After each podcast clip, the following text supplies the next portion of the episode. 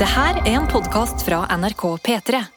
Viaplay-serien Ida tar ansvar er morsom, sår, vond og passe snål. Det japanske Oscar-håpet Drive My Car imponerer på kino, mens smakløsheten er kompromissløs i premierefilmen Jackass Forever.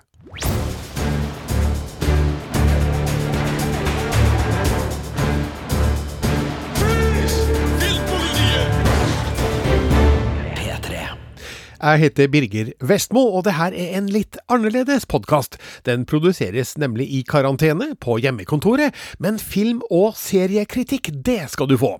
I tillegg til de nevnte titlene får du òg dommen over Apple TV Pluss-filmen The Tragedy of Macbeth og den nye Prime Video-serien Reacher mot slutten av denne podkasten. Først skal Sigurd Vik fortelle deg hva han syns om den nye norske serien Ida tar ansvar, som hadde premiere sist søndag på Viaplay. Tenk om vi hadde hatt masse skytevåpen i Norge, sånn som i USA. Da kunne hvem som helst gjort som han på den konserten i Las Vegas. Jeg vil tro at liksom folk er gode, da.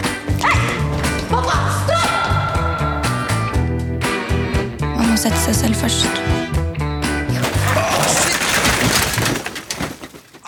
Ida tar ansvar er en morsom, sår, vond og passe snål dramakomedie som tør å være forfriskende annerledes i måten den gyver løs på aktuelle samfunnstraumer med sorthumoristisk situasjonskomikk og en leken form. Historia er basert på Kjersti Halvorsens roman med samme navn, og handler om psykologistudenten Ida. Hun er generelt engstelig og får store utfordringer når hun tror at hun kan ha blitt kjent med en som potensielt kan gjennomføre en skoleskyting. Ellie Rhiannon Miller Osborne er glimrende i hovedrollen, og birollegalleriet sprudler av sultne skuespillere som har lyst til å stjele scenen. I tillegg krydres serien med minneverdige gjesteroller av blant annet Renate Reinsve, Bartek Kaminski og Trine Wiggen. Dette er en serie som treffer smaksløkene mine med lavmælte indiefilmstemninger, treffsikre skråblikk og sterke høydepunkt, og det er en serie som strutter av talent, lekenhet og kunstnerisk entusiasme. Ida er en fersk og forsiktig psykologistudent med en meget aktiv fantasi, som bruker mye tid på å uroe seg over ting som kan gå galt. Folk har jo blitt dytta ned i sporet på T-banen i storbyer, men Ida blir kun rana på banen, og da hun treffer voltbudet Jonas, spilt av Mohammed Aden Ali, så virker det som at ting kan gå riktig så bra. Men så er det Aksel, da, spilt av Arthur Hakalati. Han bor i et kollektiv med noen av klassevenninnene til Ida, og har brukernavn Accelerator, mange våpen og et kvinnesyn som bekymrer. Og på et bakteppe av YouTube-videoer, Reddit-tråder, norske podkastepisoder og, ja, Goethes bokklassiker Den unge Werthers lidelser, så henter Ida næring til sin mistanke om at Aksel kan bli en farlig incel. Hun kjenner både på frykt og ansvar, men hva kan Ida gjøre da for å hindre at Aksel eventuelt ender opp som terrorist?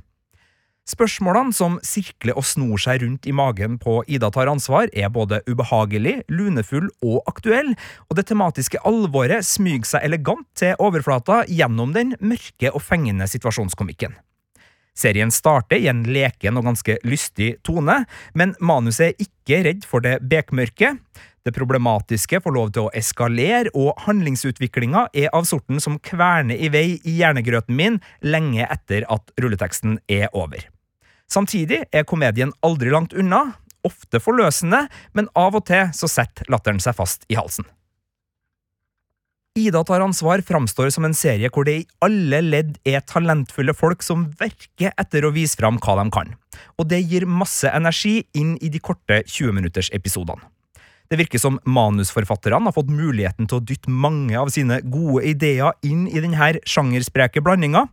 Enkelte av episodene inneholder også egne små novellefilmer som fletter seg inn i ytterkanten av handlinga og gir serien flere kostelige sidespor og en rikere klangbunn. Regissør Rikke Gregersen og fotograf Torjus Thesen viser begge stor teft i måten de selvsikkert bygger sine scener og motiver, og de utnytter TV-rutas intimitet til å skildre sin hovedperson med nærhet og nerve. Lydsporet er fullt av kule låtvalg som løfter stemningene, fra så forskjellige artister som Koda, Exploding Head Syndrome, Bob Dylan og Etta James. Og så er det gledelig å se unge skuespillere som Ellie Rhiannon Miller Osborne, Arthur Hakalati, Mohammed Aden Ali, Karin Kloman, Gaute Bergnes og Sofia Tjelta, jeg kunne ha nevnt flere, få spillerom til å gå så helhjerta inn for å få mest mulig ut av sine rollefigurer. Serien er litt ujevn i stilen, og det er ikke alltid toneskiftene sitter helt. Personlig kan jeg for styre meg for den mest sketsjbaserte delen av komedien, hvor blant annet innovativ matlevering står i fokus, men jeg liker veldig godt at serien bare kjører på med all sin kreative skapergnist. Og denne nysgjerrige og utforskende sjangermiksen skaper også noen veldig gode episoder.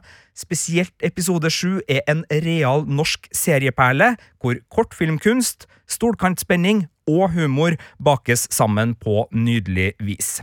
Denne serien er på åtte episoder. Alle er ute på Viaplay sin strømmetjeneste nå, og anmeldelsen er da basert på alle åtte episodene. Dette er en varm serieanbefaling. Terningkast fem.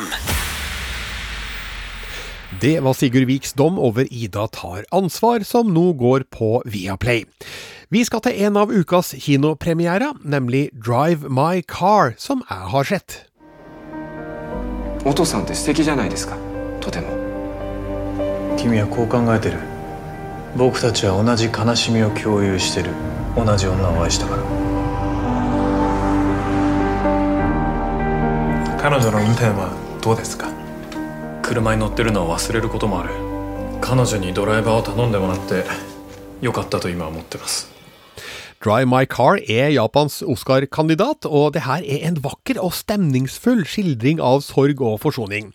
Regissøren heter Ryusuke Hamaguchi, og han har laga en varm tolkning av forfatter Haruki Murakamis historie, henta fra hans novellesamling Menn uten kvinner, som kom i 2014.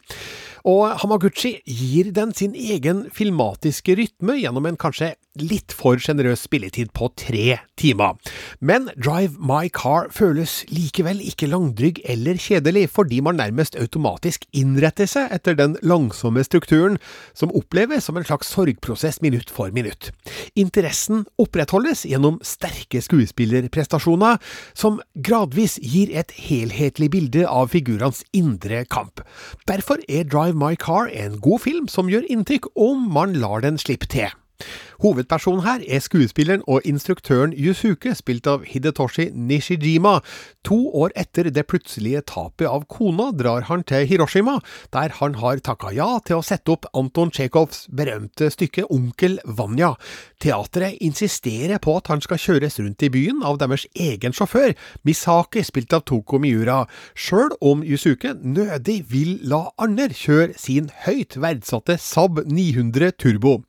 Gradvis får han likevel et spesielt forhold til sjåføren, for det viser seg at de har noe til felles. Begge bærer nemlig på sorgfulle traumer, som kanskje kan bearbeides under deres kjøreturer. Samtidig er det en anspent stemning i teaterensemblet før premieren, spesielt hos den unge skuespilleren Koshi, spilt av Masaki Okada, som viser seg å ha en forbindelse til Yusukes avdøde kone og hennes hemmeligheter. Det tar 41 minutter før fortekstene begynner, som er et tydelig tegn på en film som gjør ting på sin egen måte, og tar seg den tida den trenger. Inntil da har vi fått fortalt Yusukes forhistorie, som forklarer de sterke, såre og ambivalente følelsene han sliter med seinere. Hans vanskelige sorgprosess skildres ikke med krampegråt og tenners gnissel, men med små tegn og antydninger som samla viser dybden av hans mørke og motløse tilstand. Manuset er klokt skrevet av Ryusuke Hamaguchi og Takamase Oe, basert på Murakamis novelle, og bruker smarte referanser til både Samuel Beckets Mens vi venter på Godot og allerede nevnte Onkel Vanja av Tsjekhov, for å speile hovedfigurenes stillstand, påvirkning av fraværende personer og utfordringer med å komme seg videre i livet. Av og til kan den japanske spillestilen oppfattes som litt for stiv, formell og fremmed. Men figurene fester seg likevel godt til historien. Hidetoshi Nishijima spiller hovedrollen med en tilbakeholden sårhet og melankoli, mens Toko Miuras Mikari skjuler sterke følelser bak et tilsynelatende uttrykksløst ansikt. Begge er nærmest underspilte figurer, der eh, uttrykket 'stillest vann har dypest grunn' kun har vært rettesnora. Masaki Okadas mer energiske skildring av Koshi er full av undertrykt sorg, anger og samvittighet, som man gradvis forstår rekkevidden av. Drive My Car har òg en annen stor personlighet, nemlig den røde Sabben. Den fargerike svensken stikker seg ut blant sølvfarga japanere, og går som en bokstavelig talt rød tråd gjennom eierens fysiske og emosjonelle reise.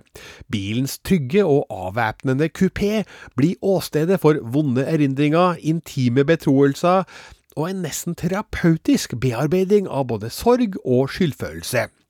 Drive My Car er et modent og voksent drama med flere emosjonelle lag, og en stilsikker regi som tør la historien utspille seg i sitt eget tempo. Det hender nok at man sjekker klokka og tenker at visse scener muligens kun vært sløyfa eller korta ned, uten at det påvirker helhetsinntrykket i spesielt stor grad. Jeg har ikke lest Murakamis novelle med den Beatles-inspirerte tittelen, men eh, denne filmatiseringa får den til å fremstå som en betydelig roman. Den imponerer med sin evne til å tegne tydelige portretter, og sitt mot til å gi dem tid og rom til å utvikle seg mot en forløsning med flere tolkningsmuligheter. Avslutninga inneholder en særskilt vakker, uttrykksfull og minneverdig scene, samt en hverdagslig epilog som avslører historiens utgang uten å si det i klar tekst. Drive My Car er derfor tre nydelige kinotimer som gir belønning for tålmodigheten. Terningkast fem. Ukas andre kinopremiere er den fjerde Jackass-filmen. Sigurd sier at det her er kompromissløs smakløshet. A lot of people ask, what will Jackass be like once we're older? Well, it'll get more mature. The faster you pedal your bike, the faster the other guy's hand goes back. You said it wasn't gonna feel like anything. Concussions aren't great, but as long as you have them before you're 50, it's cool. And Knoxville's 49, so we're good. De har smadra på i over 20 år, og i filmen Jackass Forever så viser Johnny Knoxville og gjengen at de fremdeles kan kunsten å gjøre masse helt idiotiske ting mot egen kropp. Stikkord er tiss, bæsj, sæd og kreativ hverandreskading. Eh, smakløsheten er selvfølgelig kompromissløs, og det er lite og utsatt på eh, innsatsen her. Eh, hvis du elsker pranks, altså fysiske spøker, teite groviser og godlynt lidelse, så er det gode utsikter for latterbrøl her, og en jevn strøm av tilbakeskuende Jackass-slagere gjør at det her blir nostalgisk påfyll for fansen. Men i løpet av 90 minutter så blir også det her en slitsom samling av ujevne stunt som blir både, ja, unnskyld, stive og slappe i den her fnisete og selvtilfredse se så crazy det her er-formen. Og ja, jeg må bare innrømme det, du verden som jeg kjeder meg etter hvert som testikler gang på gang skal skades av alt fra puck og hoppestokk til bier og boksehansker. Johnny Knoxville og Steve-O er fremdeles frontfigurene i denne gjengen. Gjester som artisten Machine Gun Kelly og skateboardlegenden Tony Hawk drysser stjernestøv over det hele, og blåflekker og kjøttsår fordeles jevnt mellom gamle travere som Jason Weeman Akuna og nyere fjes som Zack Zackass Holmes. Her hylles og utvikles en del gamle favoritter, som for eksempel trippel truserøsk, og det kommer til nye elementer. Jeg hadde i hvert fall ikke sett teaterversjonen av kort flytur inn i lang kaktusrekke før.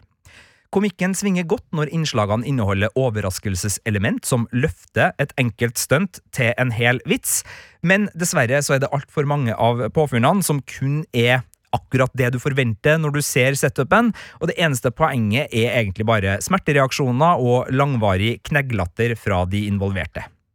For meg som er fostra opp på skateboardvideoer og Monty Python, så er Jackass Forever på sitt beste når det dundres på med teite våghalsstunt, og det lages fjollete popkulturelle rammer rundt sketsjene. Jeg er ikke like glad i den litt mobbete omgangstonen som preger en del av den simplere plage-hverandre-humoren, og jeg har lite sans for innslagene hvor dyr, enten det er bjørn, gribb, okse, slange, bie, skorpion eller edderkopp, som settes i stressende situasjoner for å enten skremme eller påføre smerte til deltakerne i stuntet.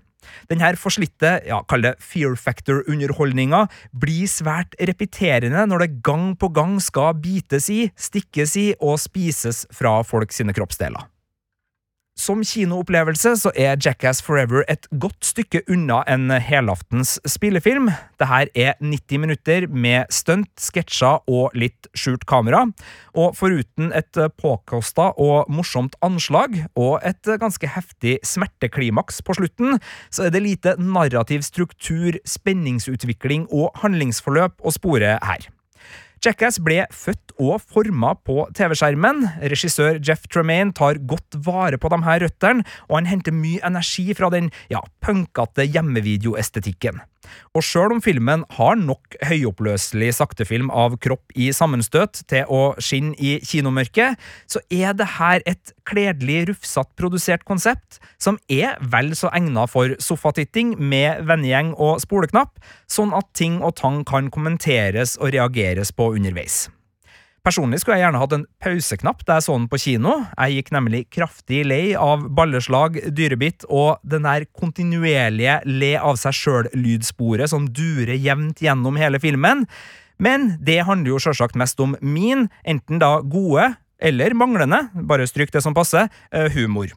Altså, Hvis du syns Jackass høres håpløst utdatert ut i 2022, så byr ikke denne filmen på noe som vil få deg til å endre mening om akkurat det. Men er du fan, så er det bare å feire fullåpne kinosaler med småsadistisk underbuksehumor av sedvanlig Knoxville-kvalitet. Terningkast tre. Vi gjør et langt hopp fra Jackass til Macbeth. The Tragedy of Macbeth hadde nemlig premiere på strømmetjenesten Apple TV pluss 14. januar. Nå har jeg endelig fått sett den. By the pricking of my thumbs, something wicked this way comes.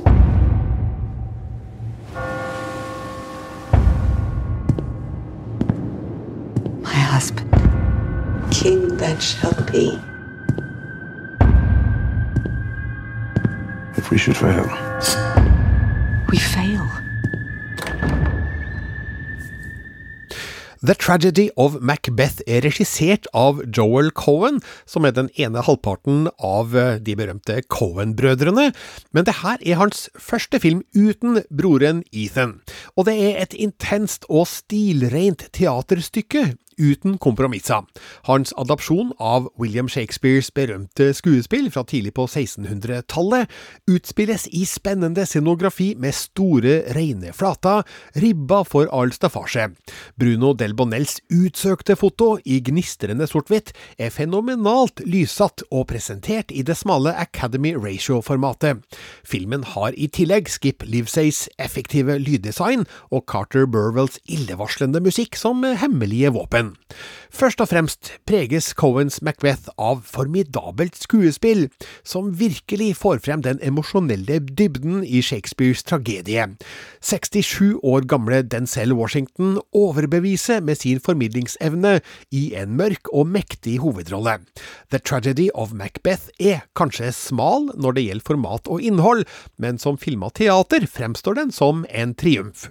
Joel Cohens eget manus følger i store trekk Shakespeares originale handling og dialog, om enn i en litt kortere versjon.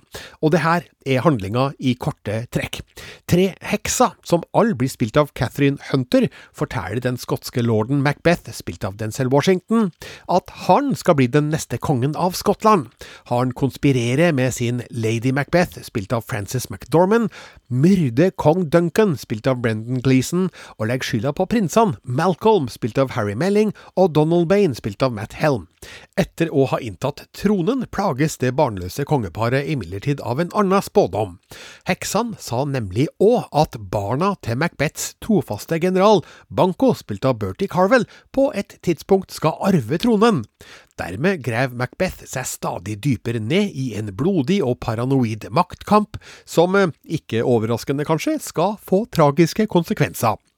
Shakespeare-kjennere vil trolig la seg henrykke av den lynskarpe fremføringa av hans ordrike og poetiske dialog, og hvordan Joel Cohen utdyper det tematiske med spennende og virkningsfulle visuelle grep. Hele filmen er innspilt i et filmstudio, noe som gir den et nærmest uvirkelig preg, og minne stilistisk om stumfilmmestere som Carl Dreyer, Fritz Lang, F.W. Murnau og andre regissører fra den tyske ekspresjonismen. Cohen er òg høyst sannsynligvis inspirert av Orson Wells' Macbeth-film fra 1948, og der kan du se klipp på YouTube for å sammenligne. Utendørsscenene er full av møkk og røyk, mens det på innsida er rent, pent og minimalistisk, nærmest som om vi ser en teaterproduksjon, der skuespillerne fremfører monologer for et tenkt publikum. Washingtons Is This a Dagger Which I See Before Me-scene er ett av mange høydepunkter, der har han uttrykket tvil, tro og begjær på en gang med brennende intensitet, mens Catherine Hunter stjeler sine scener som de tre heksene, med et infamt uttrykk og gjennomtrengende tonefall. The Tragedy of Macbeth kan oppleves som stor, tung og kald. Det kan òg være utfordrende å prosessere Shakespeare-dialogen i all sin intrikate omstendelighet, men den er heldigvis veldig godt teksta av Evy Hvitsten. Den middelalderske maktkampen skildres med en filmatisk estetikk som er så gjennomført og imponerende at jeg ofte får lyst til å trykke pause for å studere de nøye komponerte utsnittene. Det er på mange måter synd at de fleste vil se den som strømmefilm på Apple TV pluss, ikke på et stort lerret. Men det her er altså realiteten for flere kvalitetsfilmer, og kanskje skal man først og fremst være takknemlig for at de ser dagens lys i det hele tatt. En typisk Cohen-film er det kanskje ikke, men The Tragedy of Macbeth er en teaterfilm med både stjernesus og slagkraft. Terningkast fem. Vi skal fra én strømmetjeneste til en annen. Prime Video har nemlig en ny seriepremiere å by på denne uka. Sigurd har sett Reacher. Looking for payback? Payback, justice, vengeance. Looking for the whole gang. You're gonna kill a whole lot of people, aren't you? Already started. You're about to get your ass kicked. No, I'm just gonna break the hands of three drunk kids. There's four of us. One of you's gotta drive to the hospital.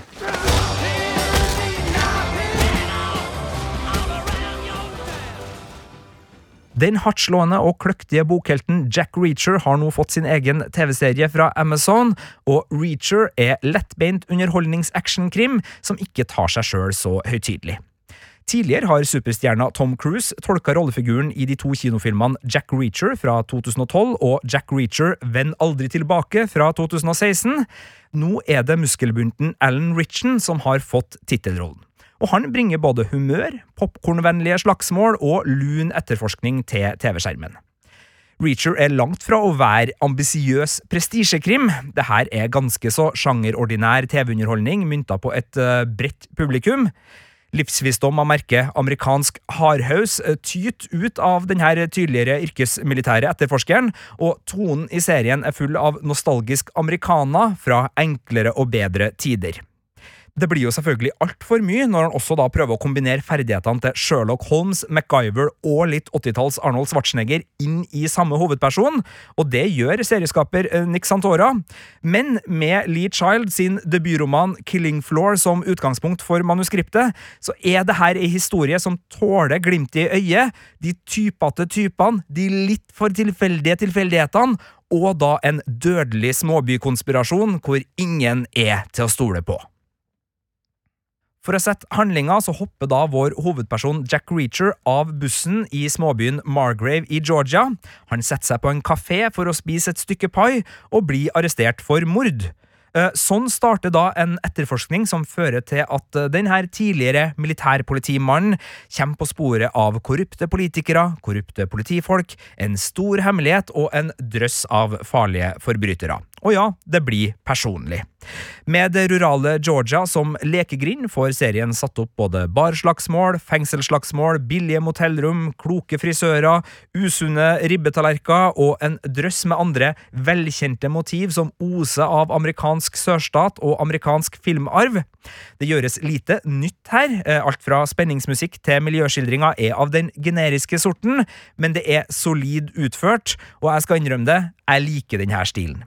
Jeg skulle jo gjerne sett at serien hadde spilt ned klisjeene og økt både spenning og realisme noen hakk, med et eh, kvasser manus, færre floskler, bedre biroller, bedre replikker og strammer regi, så kunne det her ha blitt en sprek, artig og skikkelig slagkraftig actionkrim. Nå er den mer ujevn i tonen, og litt sånn her og der i handlinga, og dermed så blir aldri Reacher på det nivået som for eksempel storserier som Bosch og Justified er. Jeg likte hovedrolleinnehaver Alan Ritchen veldig godt da han spilte sportsidioten Thad i komiserien Blue Mountain State. Og jeg liker at han tar med seg sitt komiske talent inn i denne tilskrudde helterollen. Det krever en finstilt balanse når det flørtes med parodien på ulike etterforskertyper i en serie som ikke helt vil være komedie, og her synes jeg Ritchen klarer den balansen på en måte som både blunker megetsigende til publikum, altså her er det en MacGyver-greie, her er det en Sherlock Holmes-greie, uten at det ødelegger for seriens mer seriøse tone. Jeg liker også Malcolm Goodwin i rollen som den stive politilederen Oscar Finley, og Villa Fitzgerald som etterforsker Roscoe Conklin. Sammen med hovedpersonen så gir de serien en fronttrio som både nøster i tråder, kjekler om ja, alt fra blues til eh, matvaner, og finner en lun kjemi sammen. Veteranen Bruce McGill, kjent fra MacGyver, komiker Harvey Guyen, kjent fra What We Do In The Shadows, og min krimfavoritt Carrie Graham, kjent fra veldig mye krim, er andre skuespillere som også plasseres møysommelig ut på brettet for å gi både kjente fjes, sleske typer og komiske engstelser til det her sofaselskapet. Og Reacher er helt ok sofaselskap.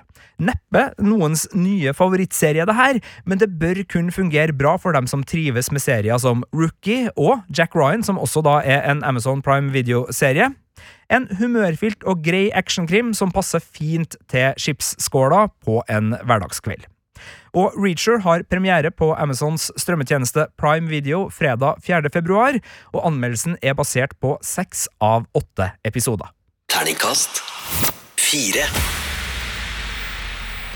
Det var Sigurd Viks dom over Reacher, og da er denne podkasten ved veis ende. Husk òg Filmpolitiets Mandalorian spesial, der vi diskuterer hver episode av The Book of Bobafett på Disney pluss. Den finner du først i appen NRK Radio, akkurat som denne podkasten. Du kan nå høre oss på P3 hver søndag fra klokka 12 til 15, og les alle anmeldelsene våre på p3.no filmpolitiet. Jeg heter Birger Vestmo og sier takk for lytten. Du har hørt en podkast fra NRK P3. De nyeste episodene og din favorittkanal hører du i appen NRK Radio.